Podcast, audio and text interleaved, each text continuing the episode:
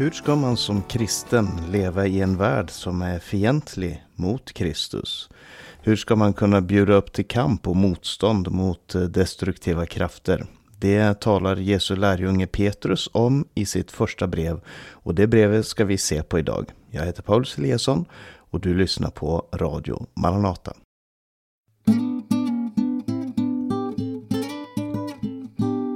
Så ett av breven i Nya Testamentet kallar vi för eh, första Petrus brev och vi hittar det mot slutet av eh, Nya Testamentet. Efter alla Paulus brev och Hebreerbrevet så kommer några av de brev som kallas för de katolska eller allmänna eh, breven. Johannes, Jakob, Judas och då också Petrus som eh, står som författare för de här eh, breven. Och i vår indelning av Nya Testamentet så är Petrus brev det första brevet den 21 boken. Eh, det är fem kapitel långt och tar ja, dryga 15 minuter att läsa igenom om du läser i ett streck. Så det har du tid till när det här programmet är över. Författare till brevet, ja som brevets namn antyder så är det eh, Simon Petrus, han som tidigare hette Simon eh, men fick sitt namn ändrat av Jesus själv till Petrus. Han är en av de tolv lärjungarna som Jesus handplockade. Och även om eh, Eh, författarskapet till första Petrus brev är omdiskuterat i vår tid så var det inte eh, omdiskuterat överhuvudtaget fram till 1800-talet och den moderna bibelkritikens eh, framväxt. Det finns påståenden om att det kan inte vara Petrus som har skrivit det här på grund av språket eller på grund av eh, sättet som han talar på och så vidare. Men eh, det finns egentligen ingen som jag kan se anledning att eh, inte lita på att det här brevet faktiskt är skrivet av Petrus. Ehm, den som däremot har skrivit ner brevet är antagligen Silvanus eller Silas som nämns i slutet på brevet. Han säger med hjälp av Silvanus som jag anser att vara en trofast broder har jag skrivit kort till er. Eh, Silvanus kallas också för Silas. Han är den som om det är samma person, det vet vi inte, men sannolikheten talar för att det är samma person som var ute och reste med Paulus på hans andra missionsresa. Eh, och det kan förklara skillnaden i stilen mellan första Petrus brev och andra Petrus brev. Att det kan ha varit olika personer som skrev ner det här. Om Petrus dikterade på hebreiska och de skrev ner det på sin grekiska. Ehm, författaren Petrus han befinner sig antagligen i, eh, i Rom när det här blir skrivet. Han säger inte exakt var han är men i slutet av brevet än en gång så, så eh, talar han om församlingen i Babylon som hälsar till er. Och många anser att det här är eh, en berätt, eh, ett kodord för Rom. Och dessutom så säger kyrkohistorien oss att eh, aposteln Petrus dog i Rom inte länge efter att det här brevet blev skrivet. Och när blev det här brevet skrivet? Ja, någon gång på, i början på 60-talet efter Kristus antagligen. Eh, och det, det, som sagt så kallas det för ett av de katolska eller allmänna breven och det betyder att det inte är ställt till någon speciell församling. Men som han säger i början av brevet så är det skrivet till församlingarna som är utspridda i Pontus, Galatien, Kappadokien, Asien och Bitynien och det är det vi idag hade kallat för Turkiet. Eh, eh, det var alltså regioner i nuvarande Turkiet. Pontus, Galatien, Kappadokien, Asien och Bitynien. Eh, så det, och sättet som han namnger de här antyder också att det här är rutten som om man åkte ifrån Rom, kom i land och sen gick en rutt runt eh, runt Turkiet så skulle man ta de här områdena plats efter plats. Så det här brevet var antagligen menat som en rundskrivning, ett brev som skulle skickas från församling till församling. Eh, genren som det här är skrivet i, det är en epistel som sagt, det är ett brev. Ehm, eh, och det är ett brev som inte är riktat till en person eller en församling och en specifik situation. eh, på det sättet som en, en, lokal församling hade, utan det är ganska generellt skrivet till kristna i hela eh, mindre Asien. Eh, och den historiska kontexten, så, alltså vad händer i historien när det här skrivs, det är ganska viktigt för att eh, eh kristendomen har här funnits i cirka 30 år. Det har till och med börjat kallas, de har börjat kallas för kristna i den grekiska världen, de som tillhör Kristus. Och eh, de har också börjat uppleva motstånd Eh, redan tidigt så upplevde ju de kristna de på Jesus troende motstånd ifrån eh, de judiska eh, ledarna eh, som vi kan läsa om i början av apostlärningarna. Men även när evangeliet spreds ut i hedningaländer i, över hela romarriket, den hellenistiska världen och man förkunnade för eh, greker och andra så mötte man stort motstånd också där. Och det är väldigt viktigt att känna till det här. Det här är under kejsar Neros tid. Eh, en av de största, första och största attackerna som gjordes mot de kristna var på den tiden då, då eh, stora områden av Rom brann ner och kejsar Nero skyllde det här på de kristna. Eh, som gjorde att de var tvungna att fly ifrån eh, Eh, ifrån Rom och eh, blev utvisade ifrån Rom, väldigt många av dem. Eh, så kristendomen befinner sig under attack, men man, ska inte säga, man kan inte säga att kristendomen var under konstant attack hela tiden ifrån alla områden. Men det finns ändå en, en pågående spänning mellan de troende och resten av världen. Så tematiken i den här boken handlar om motstånd, Eh, förlöjligande och förföljelse och hur man ska hantera det här motståndet som man möter ifrån andra. I slutet av brevet så skriver Petrus, jag har skrivit kort till er för att förmana er och bekräfta att detta är Guds sanna nåd. Stå fasta i den. Och stå fast i Guds nåd, det skulle kunna vara temat för hela det här brevet. Eh, det är eh, lite om bakgrunden och, och, lite information om första Petrus brev och vi ska nu gå in i texten.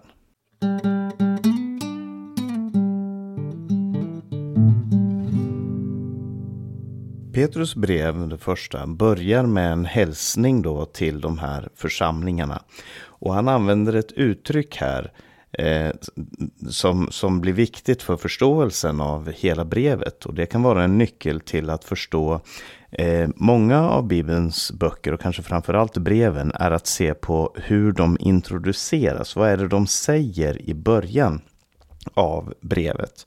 Paulus använder den här tekniken väldigt ofta i sin hälsning. Så eh, ger han en slags riktning för det han vill säga senare i brevet. Och här så säger Petrus till de utvalda som lever utspridda som främlingar. Alltså utvalda, utspridda och främlingar.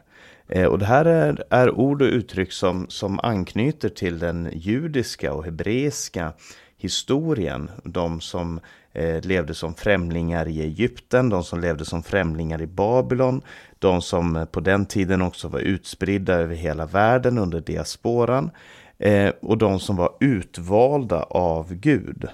Så de var utvalda av Gud, men de var utspridda och de var främlingar i den här världen.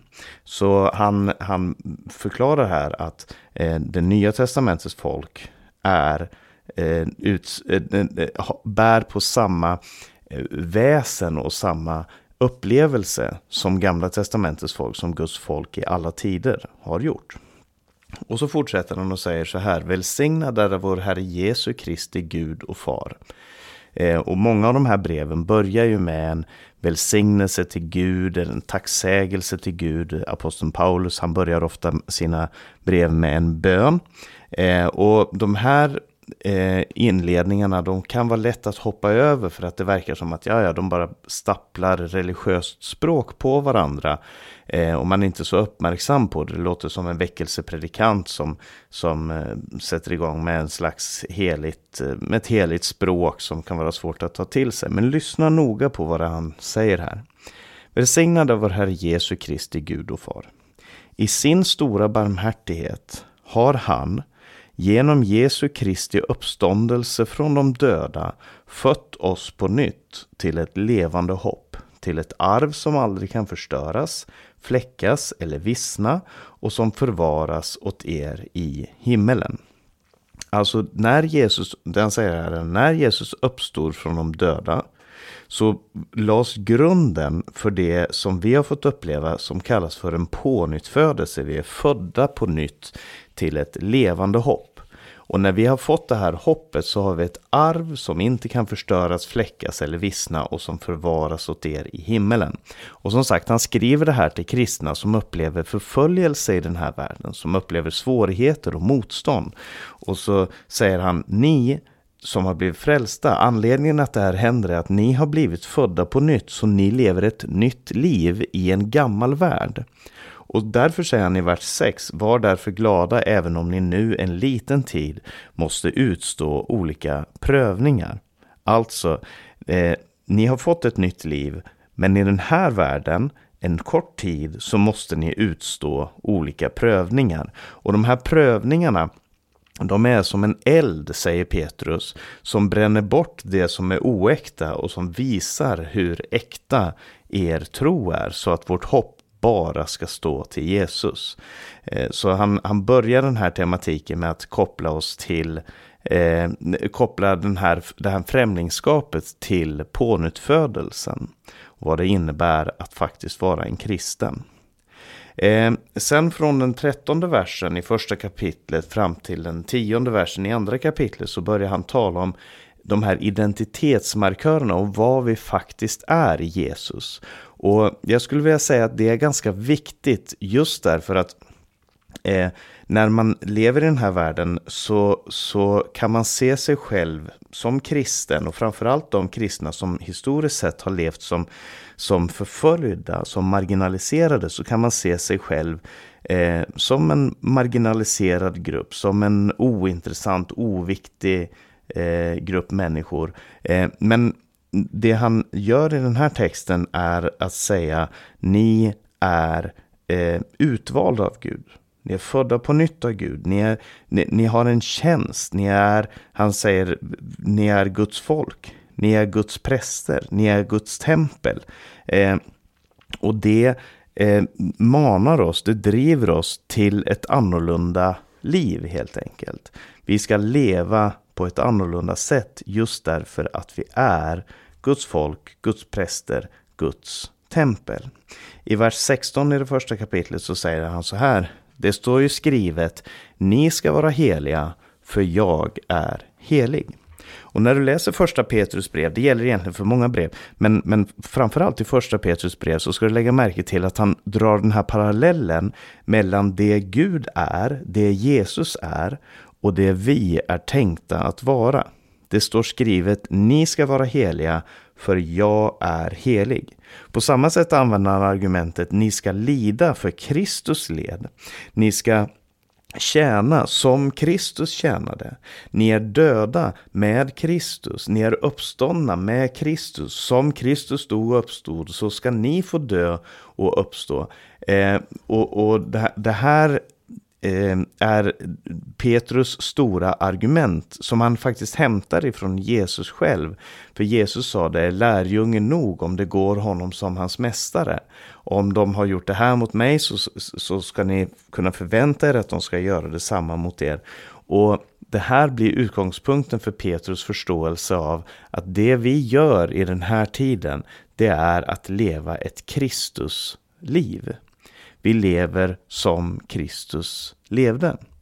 Och det, det är en, en stor, eh, en, en, en otroligt viktig del av vad det betyder att vara en kristen, att förstå det här. Vi är kallade att leva som Kristus. Nu ska vi gå vidare till nästa del i första Petrus brev.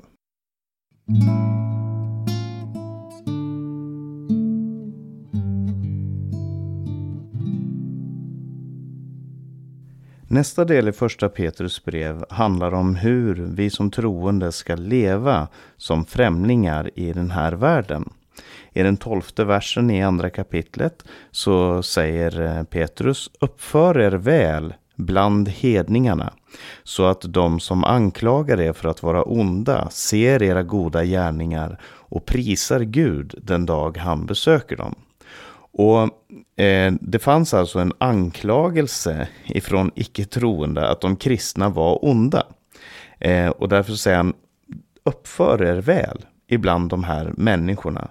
Och frågan som många har ställt sig är, vad är det Petrus refererar till i det här brevet? Fanns det en officiell förföljelse? Eller är det fiendskapen från den omkringliggande kulturen, bara en generell fiendskap som, som skapar de här problemen? Och det är svårt att, att svara på. Det kanske är lite av poängen också, att det här är faktiskt applicerbart på nästan alla kristna situation i hela världshistorien. Och om det inte är applicerbart så får man tänka på det Jesus sa. I världen lider ni förföljelse, men var vid gott mod för jag har övervunnit världen. Det, det är den kristnes eh, öde i den här tiden att få uppleva motstånd. Men så säger han att när vi upplever det här motståndet, och det är det som är frågan, hur ska vi reagera när vi blir förtryckta? Hur ska vi reagera när vi möter motstånd och så vidare? Och det han säger här, och som han poängterar flera gånger i den här texten, det är uppför er väl. Alltså vi är Guds representanter på jorden och därför så ska vi förväntas det av oss att vi ska ha ett, ett visst beteende ibland eh, hedningarna, ibland de människor som inte känner Gud. Eh, för att de människorna som inte känner Gud ska kunna se Kristus i oss och prisa Gud den dagen då Gud besöker dem. Eh, så det finns en, en tanke här om att underordna sig och tjäna eh, även när vi blir förtryckta. Och det är inte populärt i vår tid och det kan vara svårt att förstå. Ska man inte resa sig upp till motstånd? Ska man inte eh, reagera när, när, ons, när man möter ondska, när människor gör saker och ting emot den. Eh, men han säger att reaktionen, precis som Jesus sa när han sa vänd andra kin, om någon slår dig på den högra kinden så vänd också den andra kinden till. Eh, så på precis samma sätt så, så eh, säger Petrus att vi ska gå in i tjänst för de här människorna och det är vårt motstånd. Eh, I kapitel 2, vers 17 så säger han visa aktning för alla. Älska era trossyskon, vörda Gud och ära kejsaren. Eh, och det, det är ett uttryck som kan vara nog så viktigt för alla troende att ta till sig. Alltså att älska sina, att vörda Gud, det förstår vi. Att älska era trossyskon, jo men det har vi hört. Men sen så finns det visa aktning för alla människor. Okej, okay, vi ska visa någon slags... Men ära kejsaren, det här säger alltså Petrus som bara en tid senare, kanske två år, kanske ett år, eh, skulle bli avrättad av kejsaren. Han skulle bli avrättad av kejsaren och han säger Ge kejsaren ära, och nu är inte ära det samma ordet som vanligtvis används i Bibeln, doxa, utan det är ett annat ord som visar på vördnad och, och respekt för att, och att man sätter pris på någon. Så det är, inte, det är inte den ära som bara tillfaller Gud, men det är ändå en, en vördnad eh, emot människor, därför att människor är skapade i Guds avbild. Och så säger han i den 21 versen i andra kapitlet, till detta, alltså till lidande, är ni kallade. Kristus led i ert ställe och efterlämnade ett exempel åt er för att ni ska följa i hans fotspår. Och det här är något av det som jag nämnde innan, att sån som han är, såna är vi också. Kristus led och han lämnar ett exempel för att vi ska följa i hans fotspår. Och sen, detta är ni kallade till. Vi är kallade till ett liv där vi tjänar som Jesus tjänade.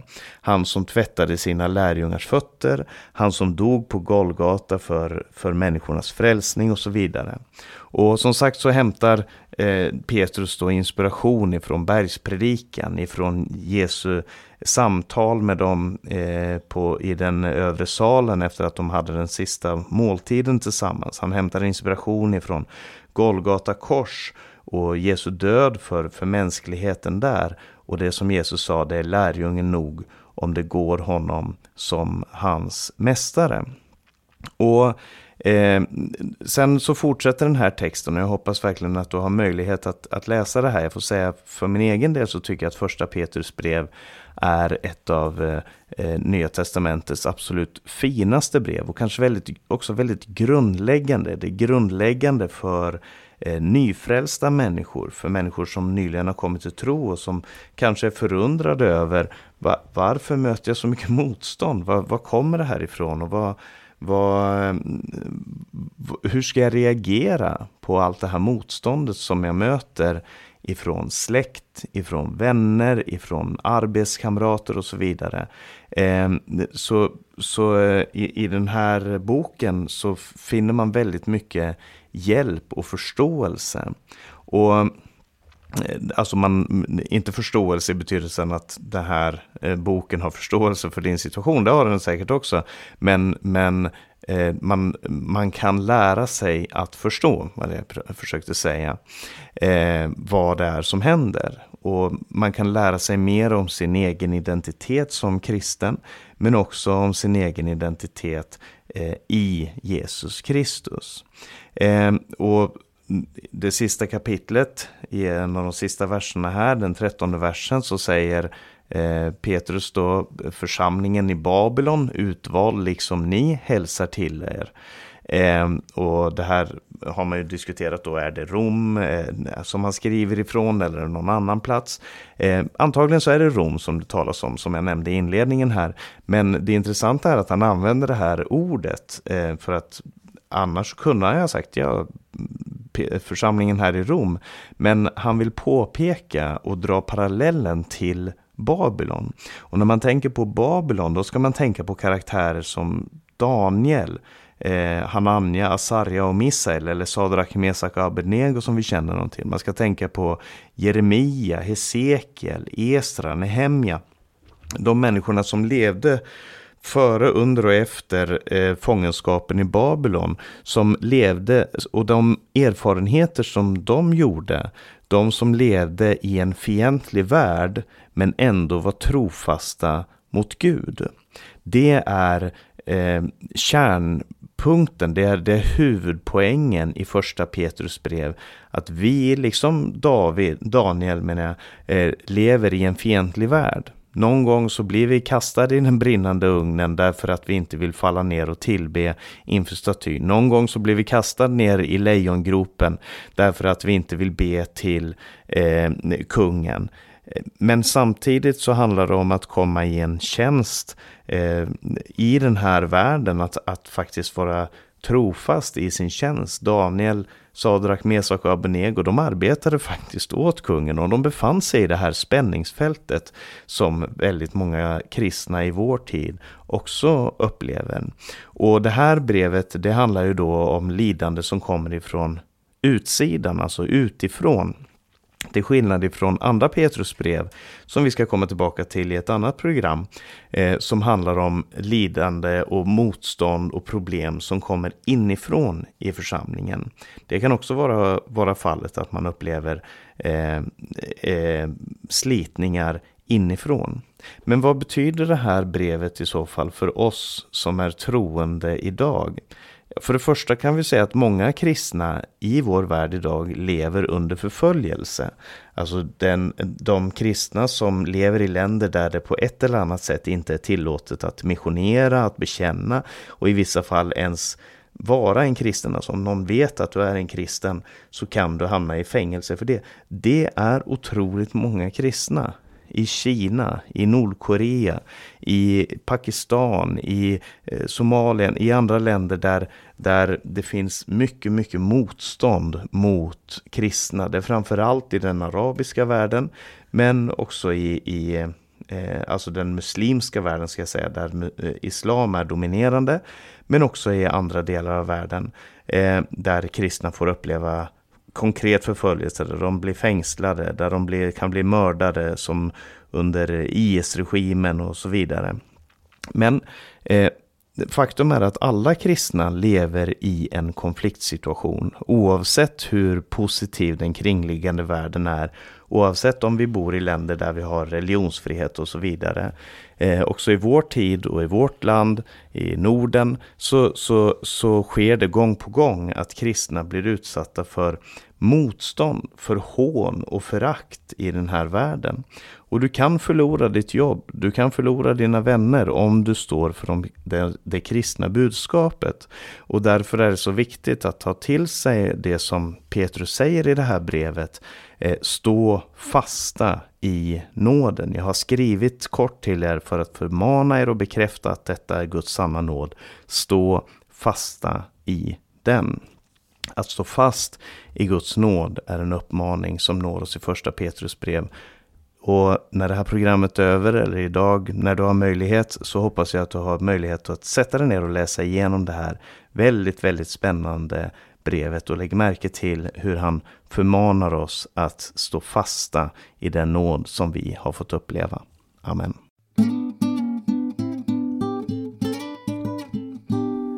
Vi ska strax lyssna till sången Har du mod att bli en kristen av Maranataförsamlingen. Men eh, först ska jag ge lite information om Radio Maranata. För du har lyssnat på en podcast ifrån Radio Maranata med mig, Paulus Eliasson. Det här programmet har sänds över Stockholm och Örebro närradio.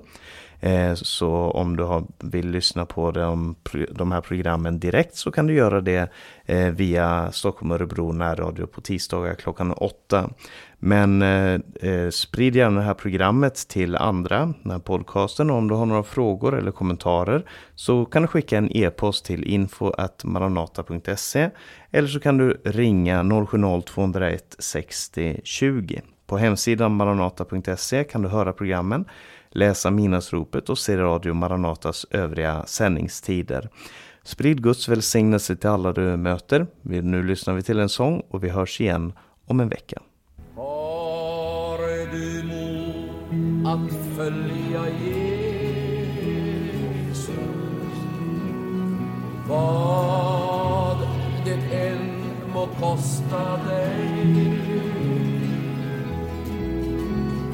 Vad